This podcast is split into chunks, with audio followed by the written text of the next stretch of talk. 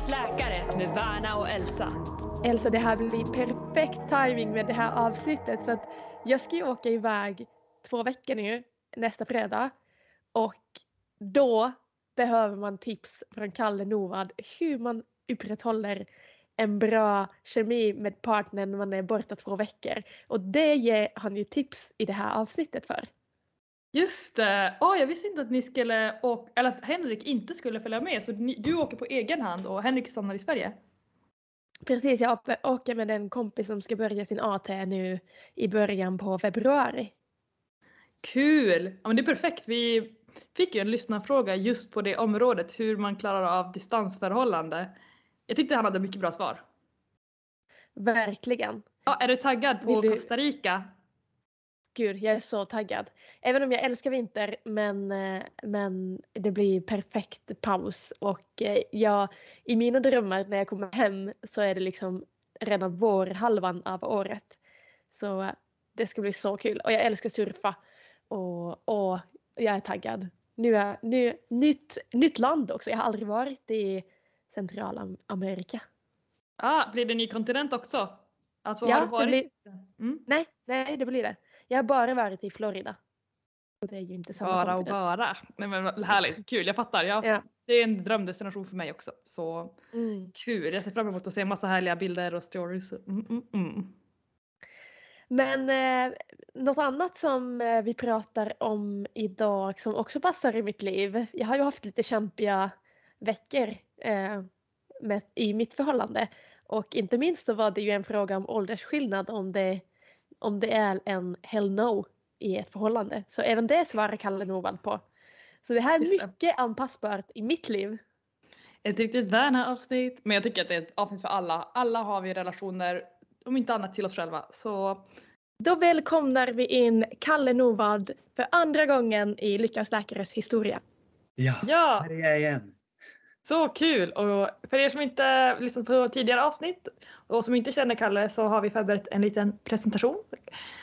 Kalle är sexolog, socionom och psykoterapeut och du Kalle både föreläser, handleder och håller i workshops och vi ser dig ta Sverige med storm nu när eh, du bidrar med så fantastiskt bra kunskap och även en öppenhet kring just att prata om sexualitet och relationer. Och eh, det många känner igen dig från är ju tv-programmet Gift i första ögonkastet men kanske också din podcast Hur är det med sexlivet? Dina böcker, bland annat har du skrivit Tack, förlåt och Skyll dig själv. Och eh, även som, som du sa nu att du föreläser även inom vården för bland annat läkare. Så det är ju väldigt mycket roliga grejer du gör. Jag har ett eh, roligt arbete på många sätt. Kul! Du berättade nu innan vi hann trycka på record att du har hållit föreläsningar, var det idag eller? Jo men precis, det, jag hoppar liksom från digitalt möte till digitalt möte idag. Eh, så jag har träffat eh, ungdomsmottagningsläkare och barnmorskor och att prata om eh, sexologiska anamneser. Ta initiativ att prata om de här frågorna eh, på ungdomsmottagningen.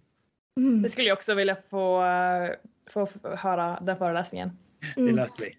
Det är, ju, det är ju viktigt även för oss. Jag pratade i helgen jag var i Göteborg. Eh, jag har en kompis som gör AT och är på sin kirurgplacering. Och alla unga kvinnor eller unga tjejer som söker för eh, buksmärtor, då måste man alltid ta anamnes om sexlivet. Och eh, då tänker man ofta bara, men var går åldersgränsen? När ska jag ställa den frågan? Om, om personen är 13 eller 14, alltså hur gammal ska man vara? Mm. Det är svårt. Det är svårt eh, och det är ju Mm. därför också väldigt många eh, drar sig från att ställa frågan överhuvudtaget. För att man just eh, tänker att det här är ett tema som är så otroligt privat och därför ska vi inte heller prata om det i vården. Mm. Och jag menar ju eh, att vi ska göra det. Eh, nu är jag förstås otroligt partisk eftersom jag jobbar i det här fältet. Men det är ju en del av anamnesupptagningen eh, och därför ska vi ställa de frågorna. Men hur ser det ut statistiskt? Jag har inte så bra koll på liksom, det. Såklart varierar jättemycket från individnivå men eh, när blir de flest- flesta av med oskulden?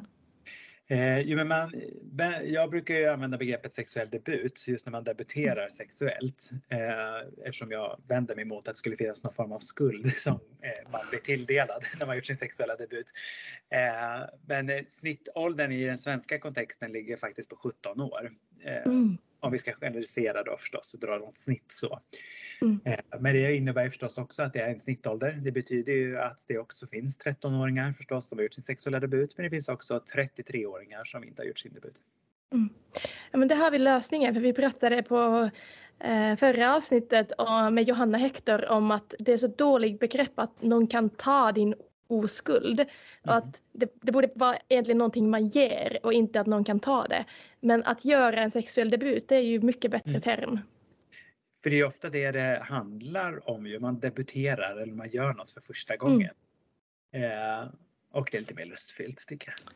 Ja, det, det är sällan man säg, hör begreppet oskuld och tänker, tänker det som något kärleksfullt och varmt. Mm. Vi har ju en frågelåda idag. Vi ger in följare, lyssnare att få ställa frågor till dig och det har ju kommit in en del Mm. spännande frågor om ganska olika saker eh, faktiskt. Ja, Men jag tänker att vi ska köra igång på, på en gång bara, det var plåstret. Yes, så första frågan är eh, åldersskillnad i förhållande. Kan det funka med 12 års skillnad eller är det dumt? Så där tänker jag snarare att det kanske handlar om personligheterna snarare än den biologiska åldern. Eh, att det, jag har ju haft klienter eller par som har kommit till min mottagning som det har varit 22 års mellanrum eh, mellan parterna. Och det funkar hur bra som helst för att, eller ja, förutom då frågan de kommer till mig för. Då. Men att det, det är inte huvudsakligen liksom åldern i sig som påverkar det. Utan det är personlighetsmässigt och kanske mognadsgrad eller vad, vilken plats man är i livet eller vad man vill med livet. Eh, grundläggande värderingar och så. Det, att det snarare kanske är de faktorerna som spelar en roll snarare än just en biologisk ålder. Det beror också på vilken, vilken, ifall det är någon som är 12 år och någon som är 24. Ja, då är det ett jättestort problem för det betyder också att det ökar risken för brott, sexualbrott mot barn. Eh, men är det liksom en som är 24 och en som är 36, ja men det kan funka hur bra som helst. Men då sätter det krav på att man kan kommunicera.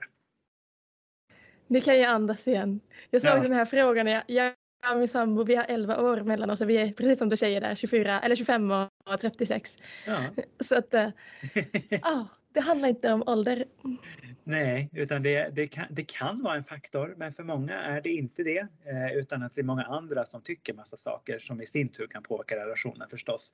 Men att bara utifrån en ålder, att det skulle spela en avgörande roll och säga, just som frågeställaren frågade också, är det någonting dumt? Nej, Mm. inte per se. Nej.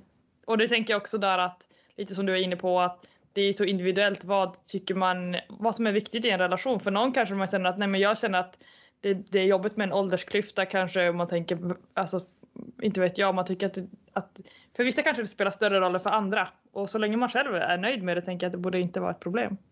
Mm. Ja, sen har ju vi människor ibland en tendens, eh, just det som jag var inne på tidigare, att eh, liksom ta in eller internalisera andras åsikter så pass mycket att man gör det till ett problem. Alltså att man kanske blir kär i en person som är 12 år äldre och sen så får man höra så många kommentarer från andra i sin närhet att säga, oj, det måste vara jättesvårt. Oj, ni har inget gemensamt. Att man till slut liksom får höra det så pass många gånger att man börjar tvivla på sina egna känslor. Eh, Mm. Och på något sätt ta över andras åsikter och oro som egentligen inte är ens egna. Intressant tanke. Mm. En helt annan fråga då. Eh, tips för ökad sexlust mottages tacksamt. Ja, hur många gånger har man inte fått den frågan? Va? eh, just eh, det här med frågan om lust till sexualitet eller lust till intimitet. Eh, det är ju- är ju den absolut mest vanligast förekommande sökorsaken till min mottagning och många av mina kollegors också för den delen. Eh, många vill ju gärna ha snabba lösningar till komplexa saker och här har vi ett sådant exempel. Lust är ju tyvärr inte så att ja, men ni som läkare bara skriver ut ett piller och säger varsågod ta det här så kommer du bli. Eh, utan lust är ju någonting som blir påverkat av väldigt många olika typer av faktorer. Eh, så jag tänker att höja lusten, så ja men det korta svaret då, eh, det är ett komplext problem ändå, eh, skulle väl vara att göra mer lustfyllda saker generellt i livet. Tycker du om att plocka svamp? Ut och plocka svamp. Tycker du om att bowla? Boka en bowlinghall. Tycker du om att laga mat? Laga mat.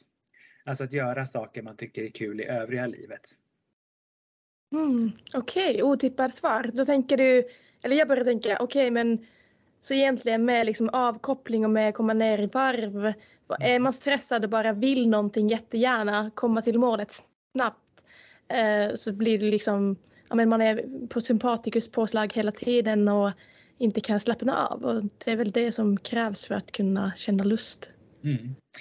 Man kan ju likna liksom lusten till sexualitet. Nu kommer jag kanske dra en halv konstig metafor, en liknelse här. Men låt oss säga att vi har en liten, liten gullig kattunge som heter lust. Och om jag liksom jagar den här lilla gulliga kattungen, för man vill ju bara lukta och klappa på den, eh, så kommer ju kattungen springa åt motsatt håll. Va? Eller inte motsatt håll, till samma håll som jag är på väg till. För den vill ju inte vara med mig som liksom jagar den. Men om jag sätter mig ner och just lugna, lugnt och sansat är där och akklimatiserar mig till lokalen som kattungen är i, så kommer ju katten till slut bli lite nyfiken och komma och närma sig mig. Så mm. att jaga sexlusten, det är ett dåligt recept på att få mer lust. Eh, utan att också vara där och ta det lugnt, precis som du är inne på. Jobba med återhämtning och göra andra saker som man också mår bra av. Och det kan ta tid och det tycker många är provocerande, men de här sakerna kan ta tid. Mm.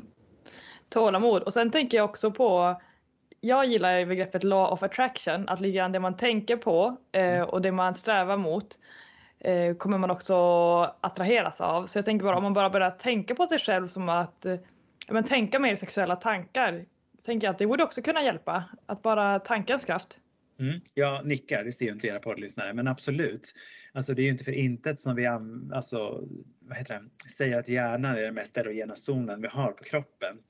Eh, och det handlar inte om att vi ska liksom lobotomera och smeka hjärnbalken, liksom, utan det handlar precis som du är inne på, att om vi använder hjärnan och tänker sexuella tankar, ja då ökar sannolikheten och chanserna till att kroppen sen också får samma lustkänslor.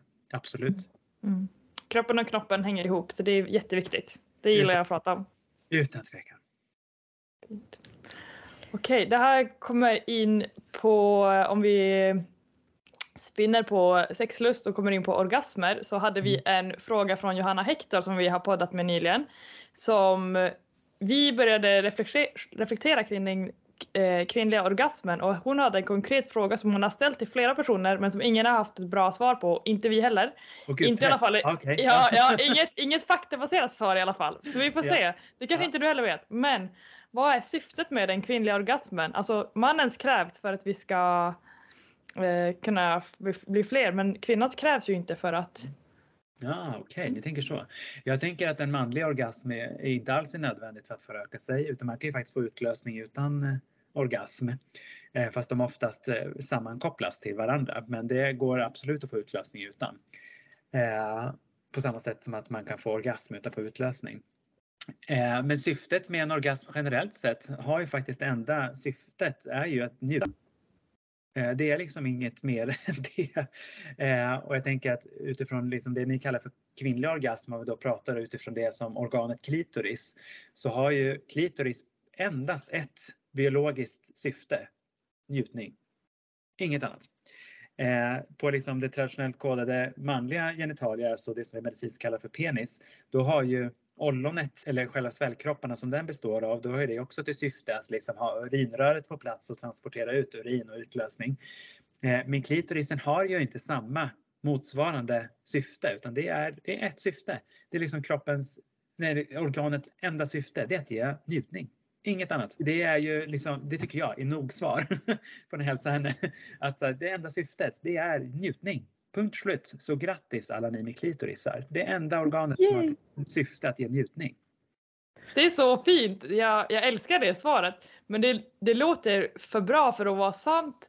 För, ja. I alla fall för mig som för har... Liksom, ja, en, ja, för en gångs skull verkligen. För man tänker alltid att ja, det måste finnas en evolutionär förklaring. Men det kan faktiskt finnas saker som bara är 100% njutning. Ja. Vi borde hylla det, det mer. Nu kommer det här låta jätte konstigt. Men det är något vackert över det också tycker jag. Att, också kanske en del av min egen avundsjuka då, kanske eftersom jag inte har en klitoris. Men att det är ändå det är något vackert i att det är, finns en del på kroppen som bara har det syftet. Mm. Eh, sen är det ju lite synd att det finns väldigt mycket, eller att det finns forskning just som visar, i alla fall i heterosexuella relationer, Eh, att mannen får då eh, orgasm 95% av alla gånger och att kvinnor i samma relationer bara får orgasm 65% av alla gånger. Men då måste jag fråga, kan vi definiera vad är då orgasmen? För jag har tänkt att när mannen får orgasm, då är det utlösning. Ja. Men nu säger, säger du att det är inte samma sak.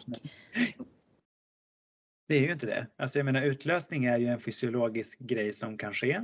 Eh, precis som orgasm är det och ibland händer de samtidigt, kanske absoluta majoriteten av tillfällena, men inte alltid.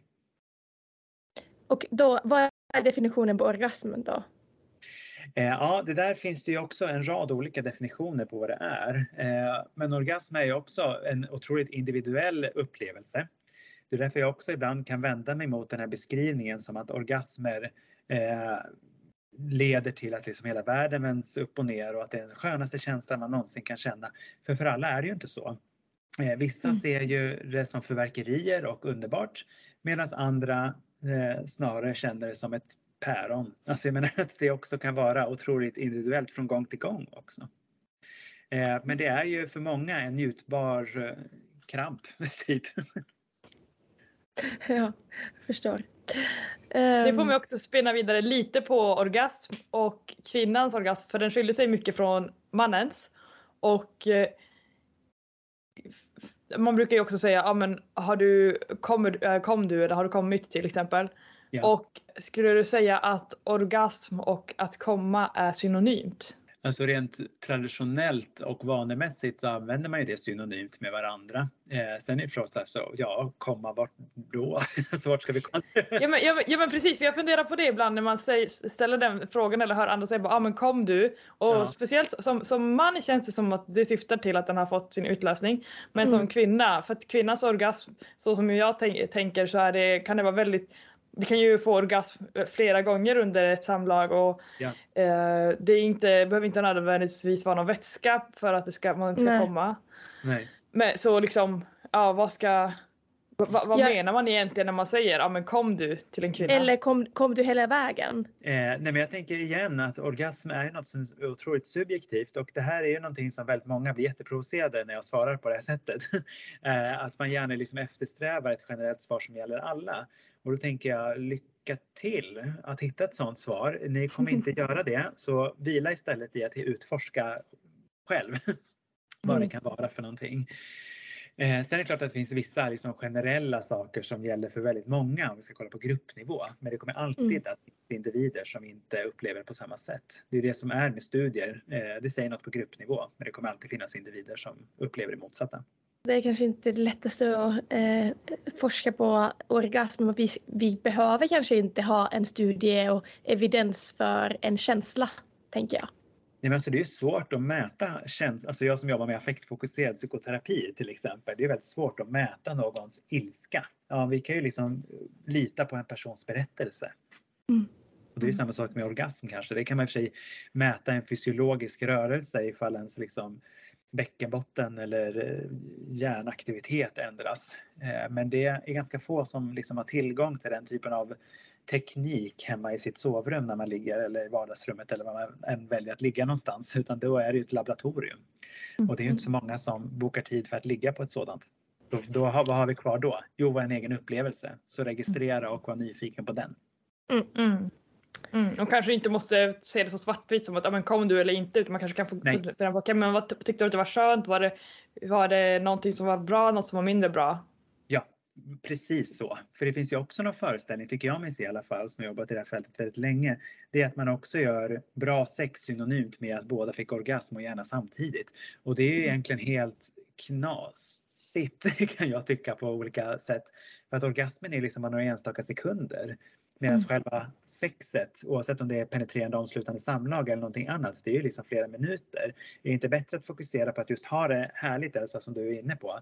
Prata om vad det är skönt, eh, än kom du? För det här Mm. sköna, det kan ju vara mycket längre än bara den här kommandet. Mm. Fälla in njutningen. Ja, Men inte för länge. nu, vi nu spinner vi vidare till nästa fråga nämligen. Fråga om svenskens porrvanor. Och jag tänker spontant att de som tittar på det är Mm. kanske ut efter njutning på liksom ofta eller ja, vad vet jag. eh, eller inspiration kanske.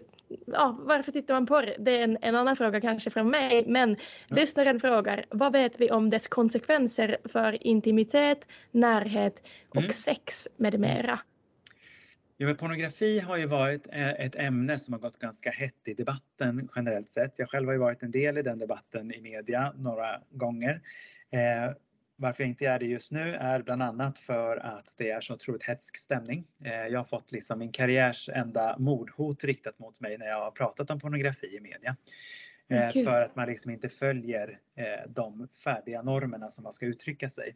Jag är ju en person som tycker väldigt mycket om att eh, uttala mig utifrån evidens. Eh, mina egna åsikter kring saker och ting är inte så relevanta i mitt arbete när jag jobbar medialt. Eh, om jag inte får en fråga så här, vad tycker du om det här?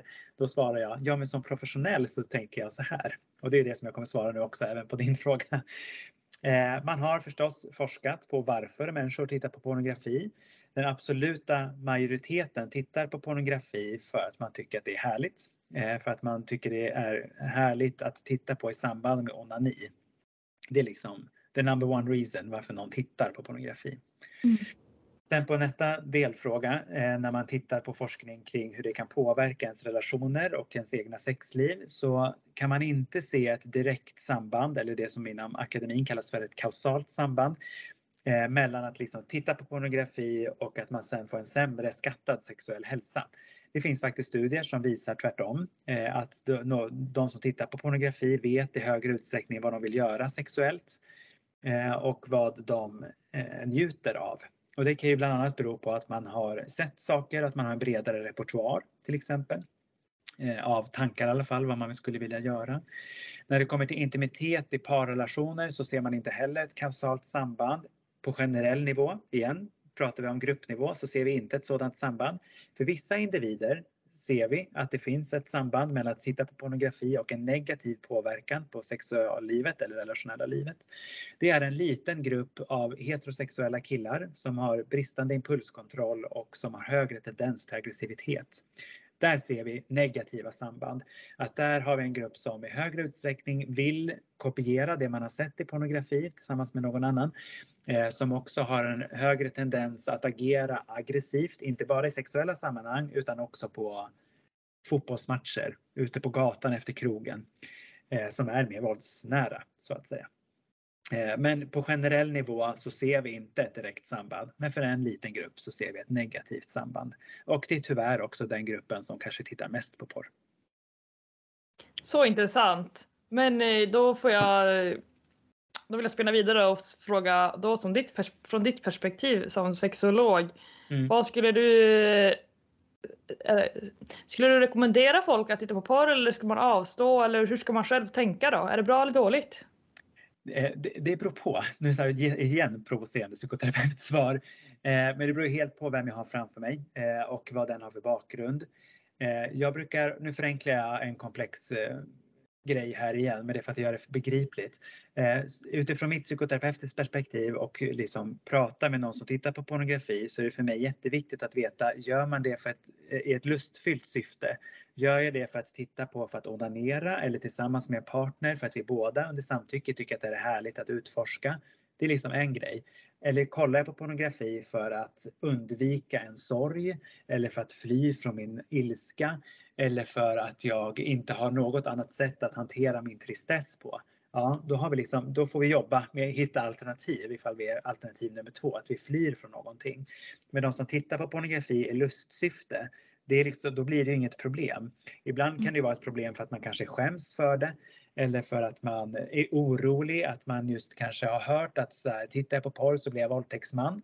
Vilket jag har haft patienter och klienter som har sökt mig för, för att prata om, men det ser vi inte heller något di- direkt samband med i forskningen. Eh, förutom den här lilla gruppen som jag nämnde tidigare. Eh, men har man inget annat liksom konstruktivt sätt eller adaptivt sätt, alltså fungerande sätt att hantera sina känslor, eh, då jobbar jag med att hitta alternativ eh, för att hantera sitt mående. Det blev inte så förenklat som jag hade tänkt mig, men är ni, är ni med hur jag tänker?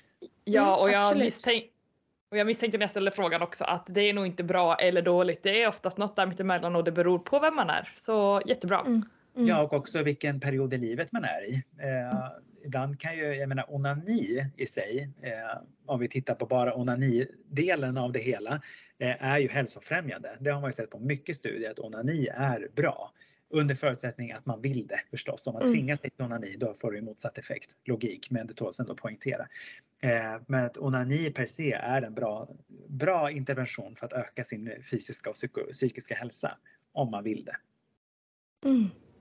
Det var nyttig information också. Alltså, det går ju... Jag kan ju logiskt tänka att det är så men eh, jag visste inte att det finns en vetenskaplig stöd bakom det. Och det handlar ju bland annat om liksom vad som utsöndras i kroppen utifrån liksom, ja, men, hormoner och eh, glada tankar och känslor av en eh, orgasm eller utlösning. Eh, men också för att det är ju på något sätt, tänker jag, i relation till sig själv så är det också en fin investering och eh, investering, gud vad kliniskt det där lät. En fin sak att göra för sig själv om man vill det. Ja, men det är väl fint att investera i sig själv. Ja, jag Ja, tycker det. absolut. Det är ju jättefint så att absolut, men det är kul. Ja. Eh, roligare än att investera på banken, investera i sig själv. Det ger ju snabbare utdelning om inte annat. Ja, gud ja. Oh, ja. Yes.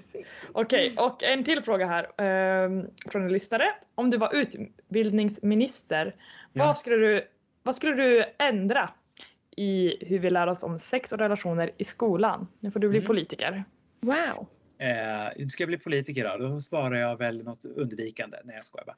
Eh, det har ju hänt ganska stora förändringar i läroplanerna i, i grundskolan, i gymnasiet och anpassad skola nu. Eh, det har jag också faktiskt skrivit en bok om som släpptes i januari i år. Eh, som heter Undervisa i sexualitet, samtycke och relationer, integrera i alla ämnen. Där Eh, kommer jag, in, jag flickar bara in och säger att eh, vi skriver ner eh, alla böckerna du har som skrivit i Alla två. Absolut. Ja, alla två. Alla toppen. Ja men det är absolut. Så de skriver Ja. vi, de, de hittar alla i Spotifys poddbeskrivning. Mm. Det är underbart, tack.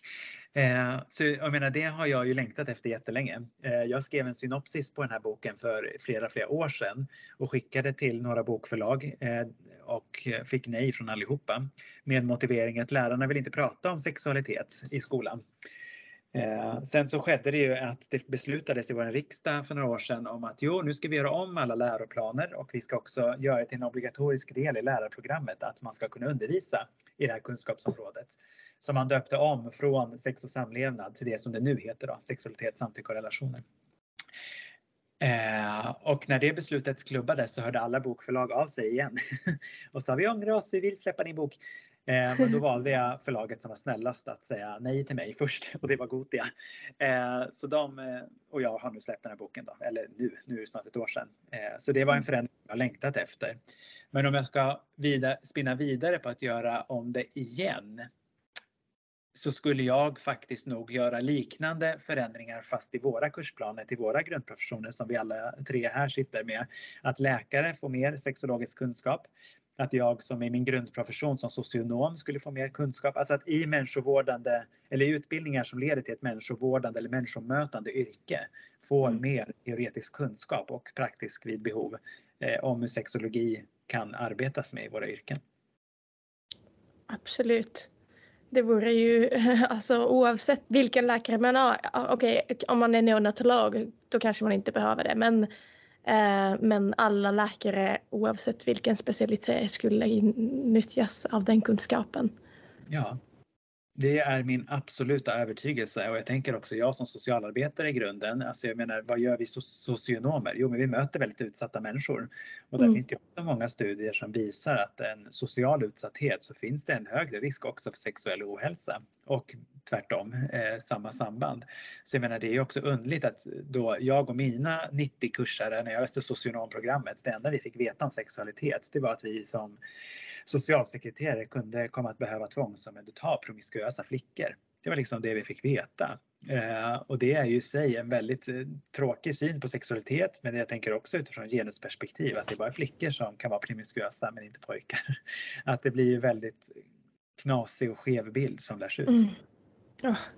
Men om vi ska skifta till något positivt så blev jag Ja. positivt överraskad av det du eh, berättade precis att man har ändrat den då i, eh, i läroplanen. Jag, Yes. jag visste inte om det. Så det gläder men det- mig. Det är ju var ju en väldigt välkommen förändring förstås i min, mitt gebit av yrke. Eh, men det har ju inte nåtts ut till alla skolor heller. Men det är ju det som jag nu också tar mycket av min tid i att prata med lärare om det här. Mm. Vilka årskurser är det som ska få eh, den här undervisningen? Tutti frutti, alltså från förskoleklass upp till att man slutar gymnasiet. Mm. En snabb fråga bara. Hur bemöts du av lärarna i skolorna? Eh, oftast med kärlek. Många är väldigt pepp eh, och också har sett det här behovet från många eh, ungdomar. De är nyfikna och de ställer frågor. Eh, men i och med att många i sina lärarutbildningar, precis som alla vi tre då, inte har fått den här grundkunskapen så vet de vare sig vad eller hur de ska lära ut. Eh, så man är väldigt positiv till att det har införts men också lite skeptisk att man inte har fått eh, möjligheten att lära sig själv vad det är man ska undervisa. Vi har ju haft obligatorisk sexualundervisning sedan mitten på 50-talet i Sverige Eh, men det finns inget lärarprogram som liksom har haft, i alla fall fram tills nu, då, någon obligatorisk del i vad det här innebär. Så man är liksom obligatoriskt ålagd att undervisa i saker som man inte vet vad eller hur man ska undervisa i, vilket är ett gigantiskt systemfel. Så lärarna jag träffar idag är väldigt tacksamma över att delvis då min bok, men också för att det pratas i högre utsträckning om det. Och jag vill spinna vidare och fråga hur du bemöts av läkare och vårdpersonal. Är det samma bemötande? Nej, det är det inte. eh, alltså framförallt när jag är ute inom vårdapparaten och undervisar så är det många gånger att eh, e- era och mina kollegor blir dittvingade. Att det inte är helt valfritt. Det blir för många lärare också, men där är törsten starkare. Eh, men många och jag tänker att det här är ett till systemfel. Som, så jag tänker att det, det handlar inte så mycket om mig som person förstås, utan det handlar om systemfelet. Att ni som läkare har så korta vårdbesök Eh, vilket gör att det liksom möts med ett motstånd. Så här, nu ska vi prata om det här också. Eh, och det har jag full respekt för med tanke på att vad kan ni ha? Liksom en kvart, 20 minuter med patienten. ni ska liksom involvera ganska många viktiga teman och så kommer den här glasögonprydda sexologen och säger att nu ska ni prata om nära relationer och sex också. Jag kan förstå det motståndet eh, faktiskt, rent rationellt i alla fall. Eh, samtidigt som jag ser hur viktigt nu är jag ju igen partisk, men jag ser hur viktiga de här temana är för väldigt många patienter inom vårdapparaten. Och att det finns så otroligt mycket evidens för att patienterna också vill prata med er yrkeskår om de här frågorna. Eh, så det gäller att hitta frågeställningar som, inte, som väcker i alla fall, eller kan så det här berömda fröet så att patienten kan söka sig någon annanstans eller boka en till tid om specifika frågor. Eh, mm. Så lite, lite mer uttalad skeps skeptiker är väl läkarkåren. Eh, men samtidigt som de förstår att det är viktigt. Mm. Mm. Ja, man förstår. Det är svårt och mm. på något sätt får jag ändå tanken att ja, men kunskap är i alla fall inte tungt att bära. Så bara att de det är min får... favoritklyscha av alla. Ja. ja. Nej men, det är ju, men den är ju sann. Alltså, den ja. är ju så sann. Så att, okej, okay, kanske, man kanske inte får till det exakt alla gånger men att åtminstone ha möjligheten och ha verktygen är guld. Mm. Ja, det är ju det. Eh, och sen, jag möter också en väldigt vanlig föreställning så här, men om jag frågar så får jag ett svar, vad ska jag göra med svaret? Och det tänker jag också är en fin egenskap hos, nu generaliserar jag, många läkare, att man, här, man vill hjälpa människor. Jag tänker att det är väldigt få läkare som har gått väldigt lång utbildning för att sen gå ut och liksom peka finger åt sina patienter. Jag tänker att det är väldigt få som har den inställningen. Delvis är det liksom, finns det värre sätt att skuld, eller andra sätt att skuldsätta sig än CSN i så många år som ni utbildar er i.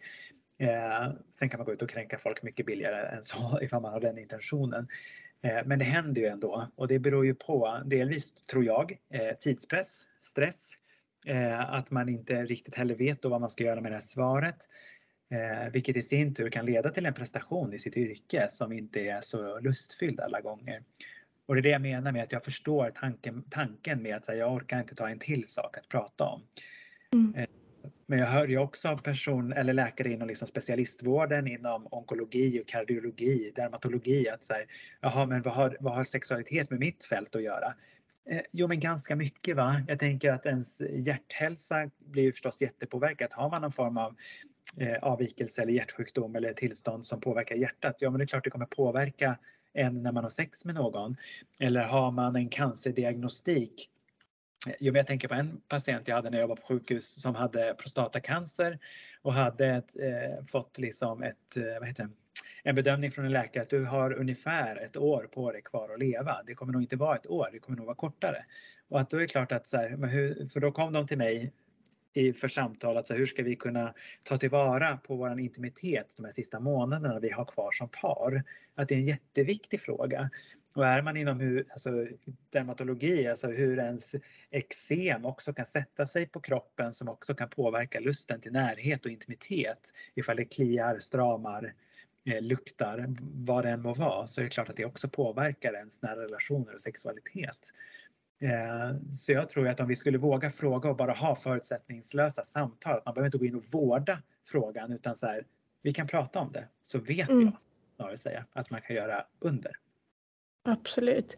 Och att patienterna också kanske eh, då, om det skulle bli ett, att ändring på systemnivå, att vi får utbildning i det, så skulle Mm. patienterna nog också veta om att ah, men de har kunskap inom det här. Det är inte bara mitt, min individuella skyldighet att bära på det här utan jag kan dela det här lika så som jag kan dela alla andra hälsorelaterade frågor. För att det är väldigt så. sällan man får den frågan och ofta om man lyfter den, eh, jag jobbar nu på geriatriken och det kan handla om liksom sköra slemhinnor eller vad det nu är. Mm. Ofta patienterna sa bara, nej men det, det ska jag inte prata med dig om, det tar jag med min husläkare. Man får ofta också liksom motstånd från patienterna, att de vill inte, de vill inte prata om de sakerna. De tycker att, i alla fall inneliggande på sjukhus, att man ska bara göra det, det Mm. akuta, alltså man ska bara fokusera på det nuvarande problemet och inte på andra saker. Ja. Och det där tror jag är förstås jätteolika. Eh, det, det, det jag kan luta mig mot när jag hör dig prata om det här, det är ju de studier jag har läst och de patienter jag har varit i kontakt med. Som absolut, jag tänker att du gör en viktig poäng här, att så här, ibland vill ju inte patienten eller prata med oss om de här sakerna, för man kanske har en annan vårdkontakt eller man har en annan person man pratar om och då ska inte vi säga ja, ja, men sexologen Kalle säger att vi ska prata och sen tvinga sig på patienten. Det är ju oetiskt åt ett annat håll. Eh, men att då bara säga, vad fint att du har hjälpt med det. Tack så mycket gå vidare. Alltså för då har man ju liksom ändå gjort sitt jobb och lyssnat till det behovet. Eh, Men det man vet är ju att många patienter, även fast de kanske säger nej åt, åt den typen av frågan, så finns det ju evidens som visar att de är tacksamma över att frågan är ställd. Sen kanske man inte tar det betet och liksom fortsätter i det. Men Mm. det är också ett val. Men det Mm, valet mm. måste ligga på patienten, tycker jag. Ja men det, det ska jag ta med mig. Fortsätta fråga ändå. Hur kan man hålla sitt sexuella behov tillfredsställt när ens partner är bortrest under en längre tid? Exempelvis en månad. Mm. Onani. Nästa fråga. Nej, jag, men- tänker att, jag tänker att det är, det är liksom en del. Jag tänker att absolut, jag tycker det är fint eh, att man just ser vikten av att ha sin, sina sexuella behov också i relation till den man lever med. Men är man borta och har liksom en distansrelation eller att det är bara en tillfällig distansering som behövs på grund av arbete, studier etc. Eh, så kan man ju också faktiskt ta ansvar för sin egen sexualitet och ta det bokstavligen i egna händer. Eh, och eh, använda sig av sig själv och sin egen möjlighet till fantasi och liknande. Eh, och det kan man göra på massa olika sätt. Alltså delvis, eh, ja, jag brukar faktiskt inte tipsa om så här, surfa på porr så kommer det må bra. Eh, utan det, det initiativet får jag lämna åt mina egna klienter. Men jag pratar om onani och att det kan man göra på olika sätt. Och det är också ett självomhändertagande att onanera. Och ett effektivt sätt att också hjälpa sig själv att reglera sitt behov av sexuell njutning. Sen är det ju väldigt många i parrelationer som formulerar sig på liknande sätt som frågeställaren här. Eh, som ju kanske inte har behov av en orgasm eller en utlösning. Utan att det sexuella behovet snarare handlar om en närhet till den man har valt att leva sitt liv med. En partner exempelvis. Eh, och då är det ju svårt att tillgodose det behovet via onani förstås, för eftersom partnern är borta och har en distans till det. Men då skulle man kunna, om man känner sig eh, manad till det, prova att ha, alltså sexta med varandra, skriva eh, sexuella meddelanden via text på sms, chattfunktioner eller liknande. Man kan ju också ha videosamtal med varandra och onanera simultant, eh, alltså samtidigt om man önskar det. Eh, det är vi inte lika vana vid, alltså vi vuxna i alla fall. Ungdomar är mycket mer vana med digitalt sex i jämförelse med oss. Eh, Men att det kan man också öva sig på att vara mer bekväm med. Om man vill. Samtycke även där. sen är det, jag tänker personligen så det kommer aldrig liksom den här mänskliga kontakten. Det Mm. kommer inte gå och ersätta. Kanske att hänga med kompisar, alltså Ja. krama en vän Ja. är ju oxytocin utlösande. Även om det, sam- alltså, det känns ju annorlunda att krama ens partner. Men närhet oavsett vem den män- andra människan är är ju alltid liksom.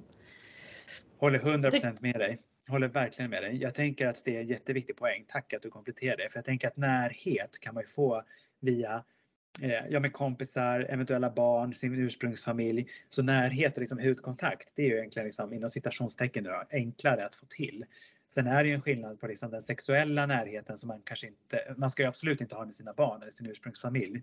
Kanske med vänner beroende på relation då förstås. Eh, men det är ju något speciellt ifall man är i en tvåsamhet då. Eh, då är den närheten någonting annat. Den laddas med någonting mer. Mm. Eh, men att eh, ja, men hålla sitt, eller tillfredsställa sitt sexuella behov under en månad. Jag tänker att också vi, tack och lov, så dör vi ju inte av att inte ha sex på en månad. Då hade ju vi inte haft samma problem med överbefolkning på jorden som vi har idag. Eh, men vi, och gud nu höll jag på att säga något jättemorbid. Vi skulle också ha en väldigt gammal befolkning eftersom barn inte har sex på det sättet. Men att det blir en, jag tänker att också vad menar vi med behov? Det brukar jag ju ofta prata om med mina par som kommer till mig där de säger att vi har olika behov av närhet och sex. Vad är det vi menar med behov och vad står det för? Och många gånger handlar det ju om terminologi som bekräftelse, eh, närhet, eh, att känna sig sedd, eh, sysselsättning. Alltså det kan handla om andra saker än just liksom den sexuella intimiteten. Men som man klär in i eh, ett sexbehov. Men det handlar egentligen om någonting annat. Ja, och jag tycker allt det här som ni båda säger är jättebra och får mig att känna eller ja, men det påminner mig om det här med utforskandet också om det, är Mm. en månad. Det är ju jättebra tillfälle att få utforska dels, okej men nu kanske den här tiden som jag vanligtvis har med min partner kanske inte finns där, men då finns den tiden till för något annat. Men antingen då om det är det här vi testar digitalt bara för att utforska eller men jag kan investera mer tid i mig själv som vi pratade om och Mm. utforska mig själv för att sen då när partnern kommer tillbaka då kanske jag har upptäckt nya saker som gör att vi får ännu härligare tillsammans. Så att Precis. också våga se det som en ypperligt tillfälle för att Ja. utforska. För jag tänker att vi människor är också vanedjur när det kommer till kritan. Va? Eh, så vi vill gärna ha så här, känns som trygghet jämt. Men jag tycker det var jättebra Elsa, för jag tänker att det är en viktig del i det också. Jag brukar ju säga att en relation behöver både distans och närhet. Vi behöver närhet för att etablera oss, eh, liksom den här fysiska närheten med oxytocin bland annat. Eh, men också lite annat för den delen. Men vi behöver också distans, delvis för att längta efter varann, ta tillvara på andra relationer och vårda dem, utforska oss själva. Och sen tänker jag att en månad kan ju kännas som en jättelång tid, men det är också väl investerad tid att just utforska. På egen hand eller digitalt med sin partner. Eller båda två. Mm. Väldigt bra. Nu ska vi hoppa in till sista frågan som Yes. du har fått en gång tidigare för det är den vi ställer till alla våra gäster. Vi får se om du får ett nytt svar eller samma. Det Ja. är ditt personliga bästa hälsotips. Alltså känner mig själv rätt så förra gången sa jag väl säkert att onanera eller något sånt där. eh, men ja, mitt bästa om, vi, om jag tittar utifrån min egen eh, situation just nu där jag säger åt mig själv att så här, Kalle det här behöver du för att upprätthålla din hälsa. Eh, så är det just nu rörelse. Eh, jag behöver röra på mig eh, och då menar jag inte att jag behöver springa tre mil i skogen utan att jag behöver någon form av fysisk rörelse varje dag. Eh, och det har bland annat med att jag precis återhämtat mig efter ett ryggskott. Så jag behöver röra på mig. Så rör på er. Det är bra, det gillar vi också. Hur, Ja. eh, hur eh, gillar du att röra på dig? Nu gillar jag för sig att springa i skogen, inte tre mil, men jag gillar att springa. Eh, men jag gillar att springa och gillar att promenera. Härligt. Och hinner du med det? Jag tänker att du har ju som på introduktionen, du har ju extremt mycket olika saker, många bollar i luften samtidigt. Ja. Hur gör du för att hinna med det där? Ju mer jag rör på mig. Eh, Mm. Hade jag inte rört på mig så hade jag nog inte kunnat ha så många bollar i luften samtidigt. Och sen så har jag en väldigt snäll partner som hjälper, stöttar, peppar och som eh, under några månader nu har fått göra eller tagit på sig och sagt att det är okej. Huvudsakliga arbe- eller hushållsarbetet hemma. Mm. Snällt, det gillar vi. Ja, men nu är det dags att växla ner så att jag också plockar i ur diskmaskinen lite oftare. Ja. I jämställdhetens namn. Det låter bra. Men eh, wow, det, var, det kändes som att det var mycket information under en kort tid. Jag sitter Ja, här och bara, verkligen. oh, det var mycket. Känns- Vi alla här har liksom ruschat in i en lunchtimme bara, nu kör vi hörni. Så Så kul. mycket brinner vi för folkbildning hörni. Ja, fantastiskt och det är så härligt att få göra, prata om det här tillsammans med dig och med dig och Anna. Otroligt trevligt. Ömsesidigt. Verkligen. Tack så jättemycket. Lycka till med alla projekt som du har igång. Tusen tack och detsamma. Som vanligt så trevligt att prata med Kalle. Han är världsbäst. Jag tycker han är så härlig. Ja men verkligen, jag minns det här, den här dagen vi spelade in också. Jag ville inte sluta prata, det kändes som att det var 15 minuter. Jag ville bara fortsätta. Ja, han tar verkligen hela befolkningen med storm med sin kunskap och hans sätt att prata om närhet, kärlek, romans, relationer. Ja, jag är så imponerad av honom. Ja och alltså det var så många gånger jag skrattade, typ när vi sna- snackade om orgasmer och vi bara kom du, vart då? Man bara, och, och kattungen lust, när han berättade hur man kan öka sin lust och tog upp det här exemplet om kattungen som hette lust. Så himla söt. Ja, jag tyckte det var, alltså det här med när vi pra- han pratade om att han har sexualundervisning både inom skolan men också för läkare. Det här med att det inte var lika välkommet hos läkare och att det inte togs emot på lika positivt sätt. Det tyckte jag var, alltså jag vet inte, det berörde mig på ett annat sätt. Att, eftersom att det, vi är en del av den kulturen och jag tänker verkligen på hur vi ska som framtidens läkare kunna ändra på det och kunna göra det till någonting som är välkommet och hur man kan både skapa välkommen känsla hos patienten och hos läkaren som ska ta upp det men också hur vi kan i teorin faktiskt ha tid för det. För det är ju, allt handlar ju om tid, vi måste ha tid. Där är sådana saker som jag tycker är supersvåra men eh, ja, han bekräftar ju att det finns ett problem. Mm, mm, absolut.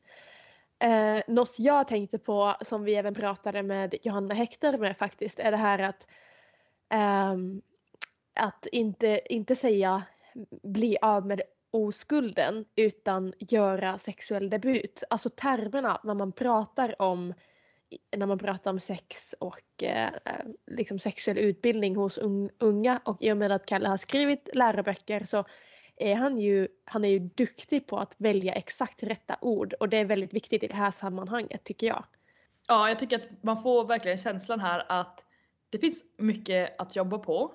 Men det finns också, det händer också saker. Vi börjar tänka om, tänka nytt. Det här med att det görs om i skolplanen som man berättade om att man ska få lära sig eh, mer om relationer och att man döper om vad den heter.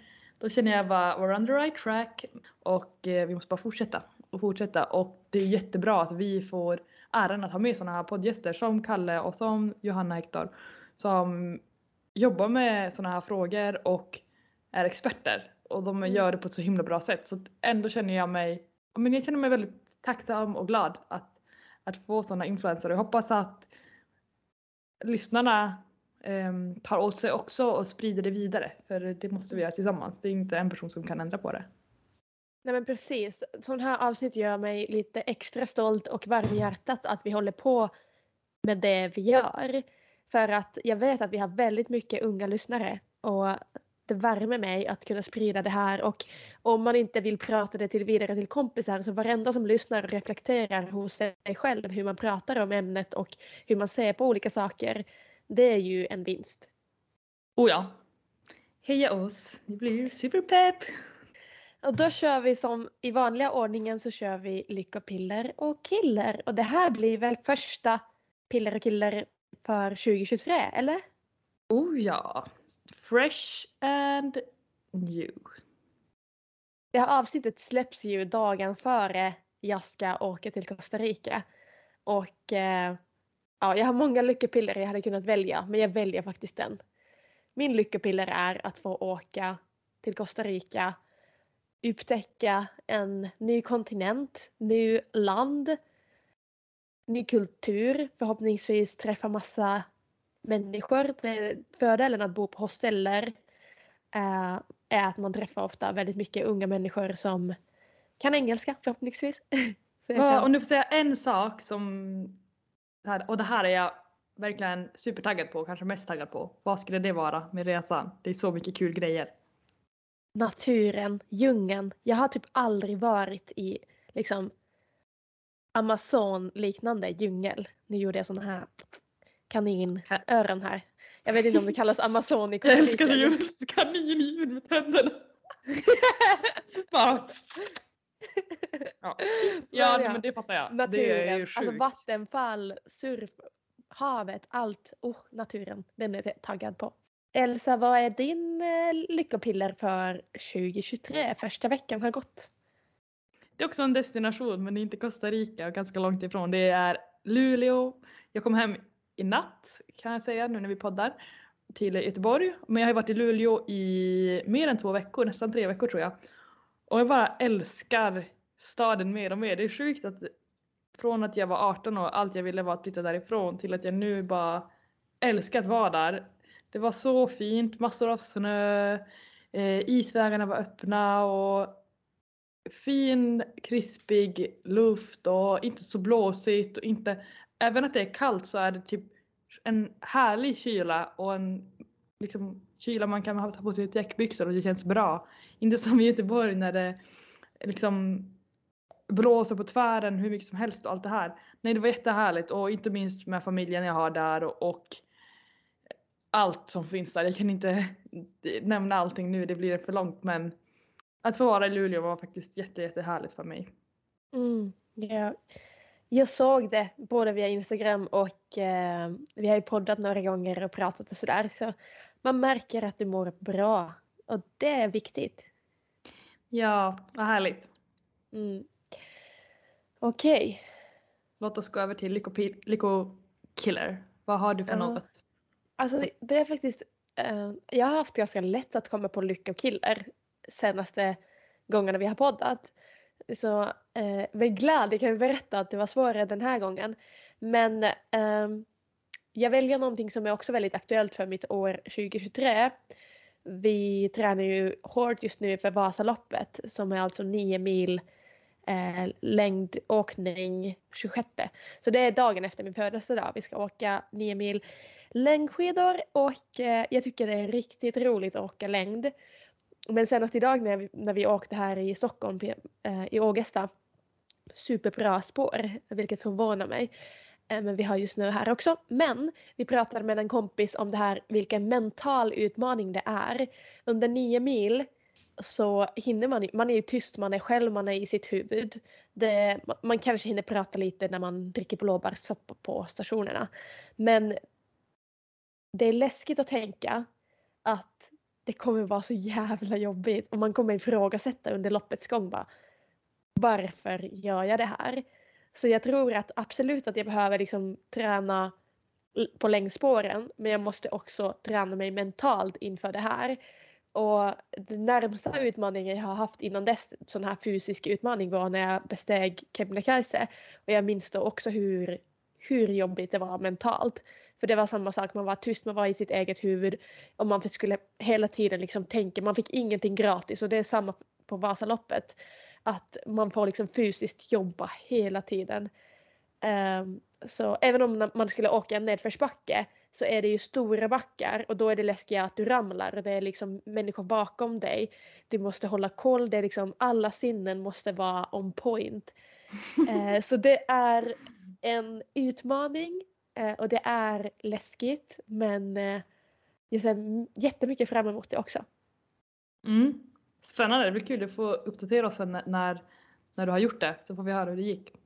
Ja, jag har kollat att vi har en poddinsläpp um, 23 februari så det är några dagar innan då. Eh, så det dröjer några veckor innan jag får veta hur det, hur det gick. Ja. Okej men det blir bra, det som väntar på något gott. Ja. Men eh, berätta Elsa, vad har du för lyckokillar den här gången? Alltså jag har ju haft problem några gånger i rad nu att jag bara nej alltså, jag har ingen typ stor lyckokiller och det är ju livsproblem. Så, så, så att eh, det är absolut eh, positivt att jag känner så. För mig är det dagens som kom idag tar jag för det är mest aktuellt och det är nu när jag är tillbaka till Göteborg.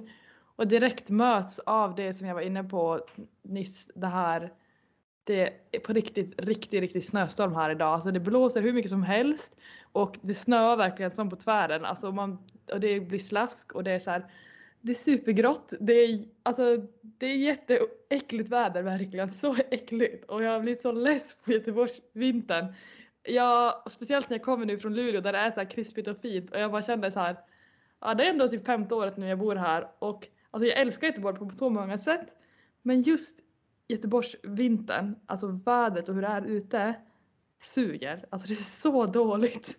Det gör Ja. faktiskt ehm, en anledning varför jag inte skulle vilja, alltså jag vet inte om jag kommer bo i Göteborg långsiktigt eller inte men det är definitivt på eh, pros and cons att är till, alltså en stor cons. Alltså det är, Ja. Nej jag vill ha vit vinter och jag vill att det ska vara kallt och inte något nollgradigt eller några plusgrader. Jag tycker inte om det. Och inte den här Mm. blåsten. Uff. Mm, mm.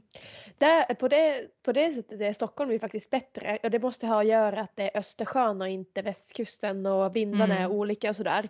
Stockholm har ju lite bättre vinter på det sättet men sen är det massa andra nackdelar som gör att jag vill inte bo här långsiktigt. Men vi, vi pratade faktiskt i bilen idag om det att det är riktigt bra vinter det här året. Det har varit typ vitt Ja. eh, väldigt mycket. Ja, jo, absolut. Alltså det har ju varit, det har haft sina fina dagar. Jag har inte varit jättemycket i Göteborg ännu för jag har varit och rest men nej, jag tycker inte, även att det har varit lite mer vitt här så är det inte samma sak som att det är snöigt i Göteborg är inte samma sak som att det är snöigt uppe i norr. För här Nej. är det liksom ändå, det blir ändå väldigt slaskigt och det blir grått och det blir blåsigt. Det är typ en äcklig kyla alltså. Förlåt Ja. att jag låter jättebitter men jag är bara ärlig. det är okej. Det är okej att vara Ja. ärlig. Ja. Men, Men, dessa men. ord så eh, önskar vi alla en härlig fortsättning.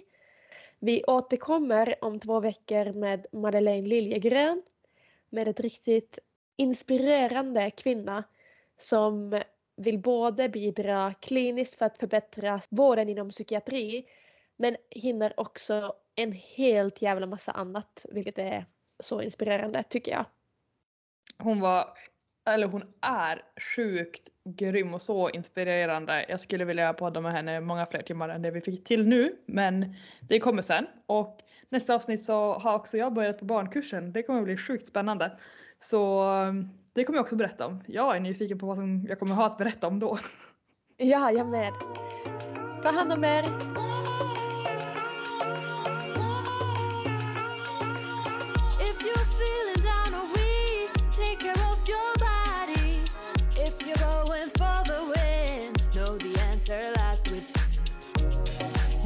läkare med Värna och Elsa.